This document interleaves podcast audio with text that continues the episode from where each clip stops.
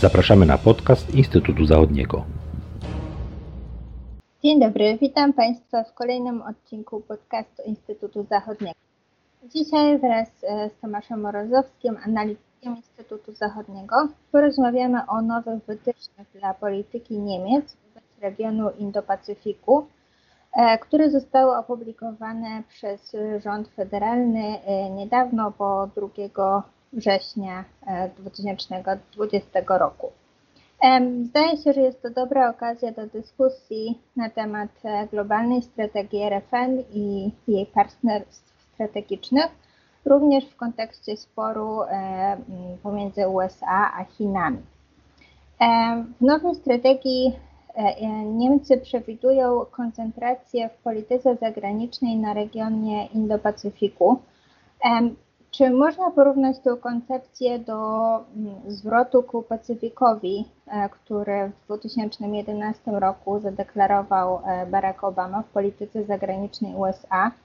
E, czy mm, sugerowanie takiej strategii przez Niemcy oznacza zmniejszenie ich zaangażowania w polityce europejskiej?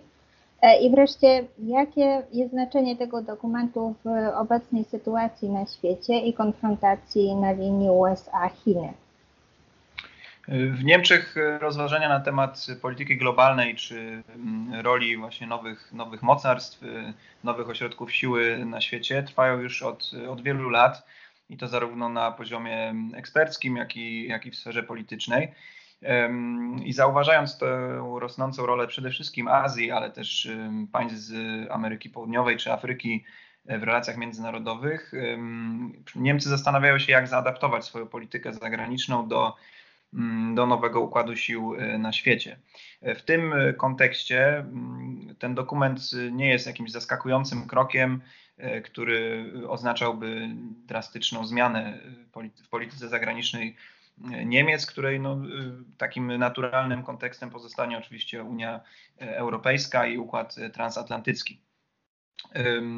Sugerowano w mediach i w dyskusji publicznej, że publikacja dokumentu właśnie w takim terminie, krótko po wizycie ministra spraw zagranicznych Chin w Europie i spotkaniu również z Heiko Maasem w Berlinie, jest nieprzypadkowa i, i oznaczać będzie właśnie jakąś zmianę jakościową w polityce zagranicznej Niemiec. E, być może da też odpowiedź na e, pytania mm, dotyczące relacji Niemiec przede wszystkim właśnie z Chinami. Oczywiście e, ten moment publikacji tych nowych wytycznych jest bardzo ciekawy w związku z sytuacją międzynarodową i w związku z konfrontacją mm, na linii Stany Zjednoczone-Chiny.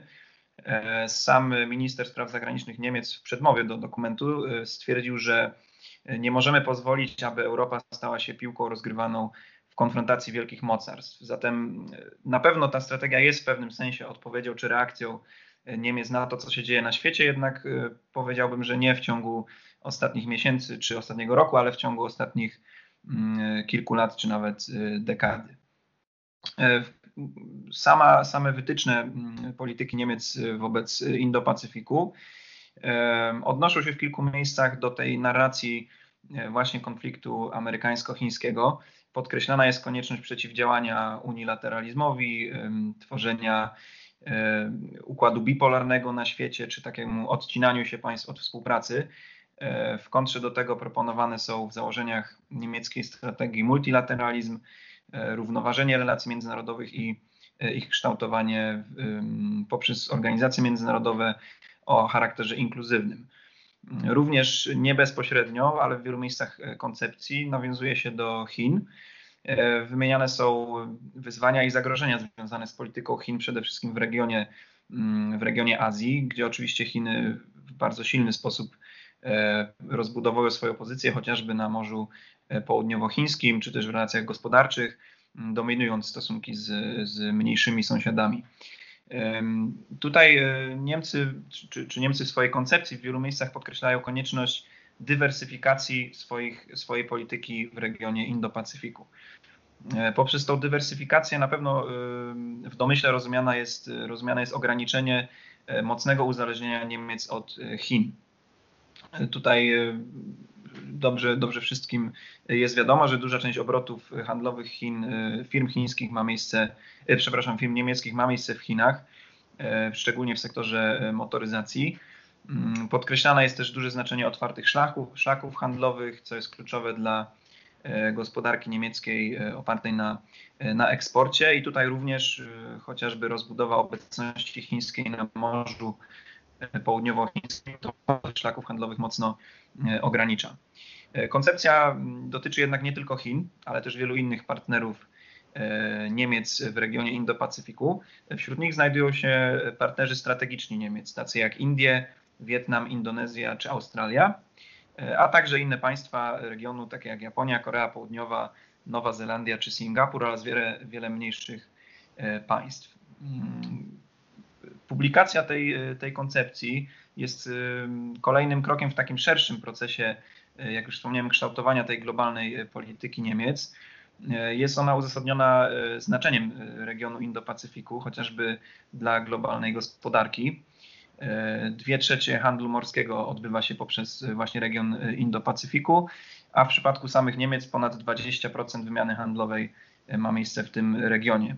I już samo to sprawia, że, że ten region e, siłą rzeczy musi być centralnym punktem w polityce zagranicznej Niemiec. Innym uzasadnieniem jest ochrona klimatu. Jest to region nadal dynamicznie się rozwijający gospodarczo i tutaj taki właśnie intensywny rozwój, e, również przemysłowy, jest równoznaczny z wysokimi emisjami, co utrudnia realizację globalnych celów klimatycznych, na których również w polityce zagranicznej zależy Niemcom, w związku z czym współpraca z państwami Indo-Pacyfiku jest, jest też niezbędna e, z tego powodu. Innym e, aspektem jest bezpieczeństwo. W tym regionie również występują spory, czy to terytorialne, czy właśnie morskie. Jest to również region naznaczony silną działalnością terrorystyczną. Pojawiają się też nowe zagrożenia w sferze cybernetycznej, chociażby. Także z punktu widzenia Niemiec, którym zależy na stabilizowaniu wszystkich regionów świata i budowaniu globalnego pokoju, e, jest to również ważne, aby angażować się coraz bardziej w Indo-Pacyfiku. Co ciekawe, właśnie w omawianej koncepcji Niemcy deklarują wprost zwiększenie aktywności również w wymiarze militarnym, chociażby w postaci e, współuczestnictwa w ćwiczeniach, wymianie personelu czy tworzeniu e, oficerów i placówek łącznikowych. Jest to, e, już kończąc, również kluczowe, biorąc pod uwagę wzrost wydatków na obronność w regionie. Jak zauważono w niemieckiej koncepcji w latach 2010-2019, o 50% w całym regionie wzrosły wydatki na obronność, w samych Chinach o 85%, biorąc pod uwagę mm, fakt posiadania przez Chiny y, broni nuklearnej oraz zagrożenie ze strony Korei Północnej. Mm, y, no jest to region o dużym znaczeniu również dla stabilizacji i bezpieczeństwa międzynarodowego. Mhm. Dokument, y, o którym rozmawiamy, dotyczy kilku państw spoza kręgu tradycyjnych sojuszników Niemiec, nawet niektóre państwa, które wymieniłeś, no, nie do końca się z tym kojarzą. Zastanawiający jest ten e, dobór partnerów e, do zawarcia takich partnerstw strategicznych. Powiedz proszę, na jakiej podstawie Niemcy wybierają, z którymi państwami zawiążą współpracę, a z którymi nie? E, I czy są to głównie kwestie ekonomiczne, czy jeszcze jakieś inne elementy są brane tutaj pod uwagę? Rzeczywiście ten instrument y, partnerstwa strategicznego generalnie jest y, charakterystyczny i interesujący w przypadku Niemiec. Zawiązują one partnerstwa strategiczne z państwami y, spoza Europy i spoza mm, kręgu generalnie świata zachodniego czyli z, z, państwami szeroko pojętego południa, czy też z mocarstwami wschodzącymi. Ciężko wskazać klucz y, doboru partnerów strategicznych, czy jakiś wzorzec, który by uzasadniał e, wszystkie, wszystkie przypadki zawarcia partnerstwa strategicznego.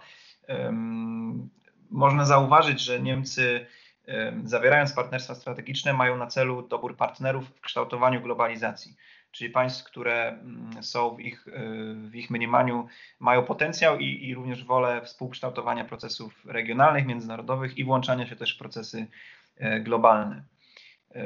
Z tego punktu widzenia no, objęcie partnerstwami strategicznymi Chin, Brazylii, Indii czy Republiki Południowej Afryki wydaje się uzasadnione.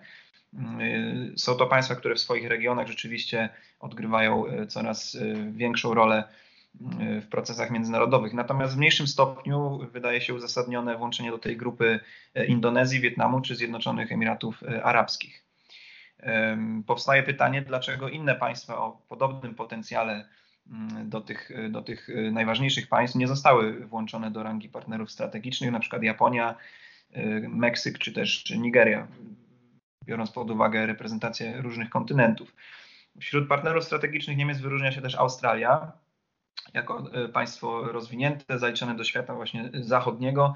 E, gdyby przyjąć takie uzasadnienie zbliżonych wartości czy światopoglądu z Niemcami, no to znów nasuwa się pytanie, dlaczego mm, Kanada nie jest partnerem strategicznym Niemiec.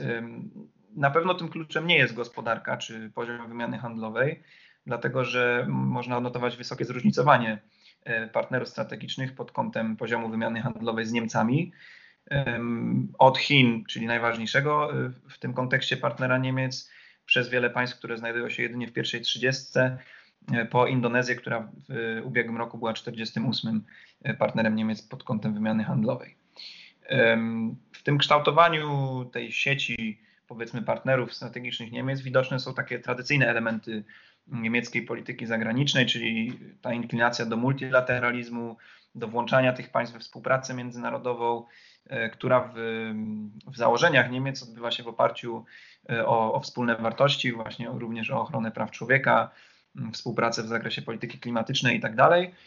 To są założenia, które w praktyce w różnym stopniu wypełniane są w zależności od danego partnerstwa strategicznego. Mhm. E, na koniec jeszcze może, może dla kontrastu z Chinami, o których ostatnio dużo się mówi, Warto by wspomnieć jakiś inny przypadek, e, który by pokazał, jak Niemcy na przestrzeni lat e, kształtują swoje partnerstwo strategiczne. Czy, czy mógłbyś opisać jakąś współpracę e, zawiązaną przez rząd niemiecki, która miała nieco inny charakter? Tu może właśnie w kontekście mm, ostatnich tych opublikowanych przez rząd federalny wytycznych można skupić się na regionie Indo-Pacyfiku i i wskazać dwóch partnerów strategicznych, czyli Niemiec, czyli Indie i Indonezję. Jako takie inne niż Chiny przykłady, ale również bardzo kontrastujące między sobą. Mm, zaczynając od Indii, no to jest to właśnie, można powiedzieć, taki modelowy przykład naturalnego partnera Niemiec y, wśród państw nazywanych like-minded states, czyli powiedzmy o wspólnym światopoglądzie, wspólnych zapatrywaniach na kwestie globalne, podzielających też wartości demokratyczne. Mm, to partnerstwo z Indiami jest y, wysoko, w wysokim stopniu też zinstytucjonalizowane.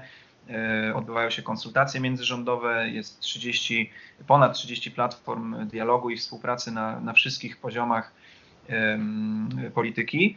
Y, I widać też tą działalność właśnie w globalnym zarządzaniu. Indie razem z Niemcami, ale też z Brazylią i Japonią tworzą grupę G4, która zabiega o reformę Rady Bezpieczeństwa ONZ. Indie należą też do utworzonego w ubiegłym roku Sojuszu na rzecz multilateralizmu.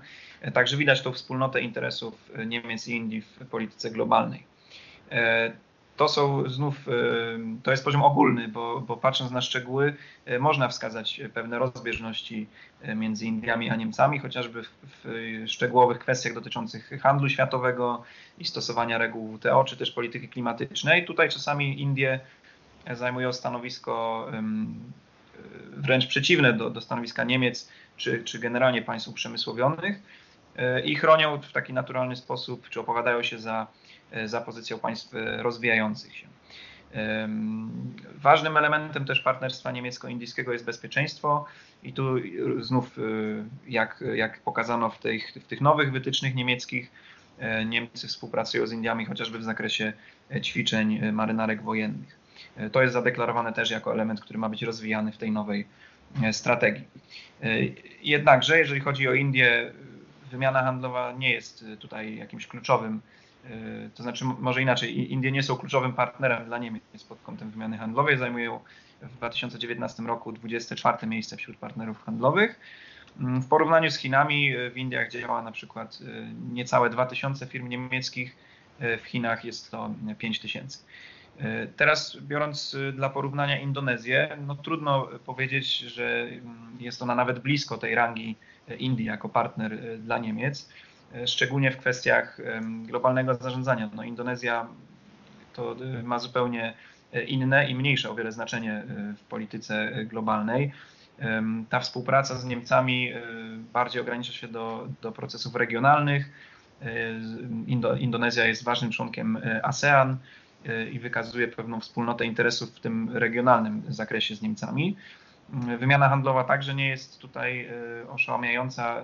Jak już mówiłem, Indonezja to mm, najmniej istotny partner pod tym kątem dla Niemiec wśród partnerów strategicznych. Mm, trudno też wskazać jakąś silną bazę wartości, jeżeli chodzi o demokrację czy prawa człowieka. W Indonezji ten proces odbudowy czy budowy nowego ustroju po obaleniu dyktatury w 1998 roku nadal trwa i jest nieukończony. Także Niemcy też to dostrzegają, co z kolei budzi pewne kontrowersje, bo ważnym elementem współpracy Niemiec z Indonezją jest handel uzbrojeniem. Tutaj co kilka lat Indonezja znajduje się w pierwszej dziesiątce e, odbiorców e, uzbrojenia z Niemiec i chociażby w 2019 roku zajęła w tym rankingu ósme miejsce. Niemcy wyeksportowały tam broń o wartości ponad 200 milionów euro, e, co biorąc pod uwagę właśnie mm, może nie, nieidealną sytuację praw człowieka w Indonezji wzbudziło spore kontrowersje. Także widzimy, że to partnerstwo z Indonezją po pierwsze nie jest tak rozbudowane i tak zinstytucjonalizowane jak chociażby z Indiami. Po drugie pojawiają się w nim y, pewne problemy, mm, które też no, budzą wątpliwości co do tego miana partnera strategicznego Niemiec.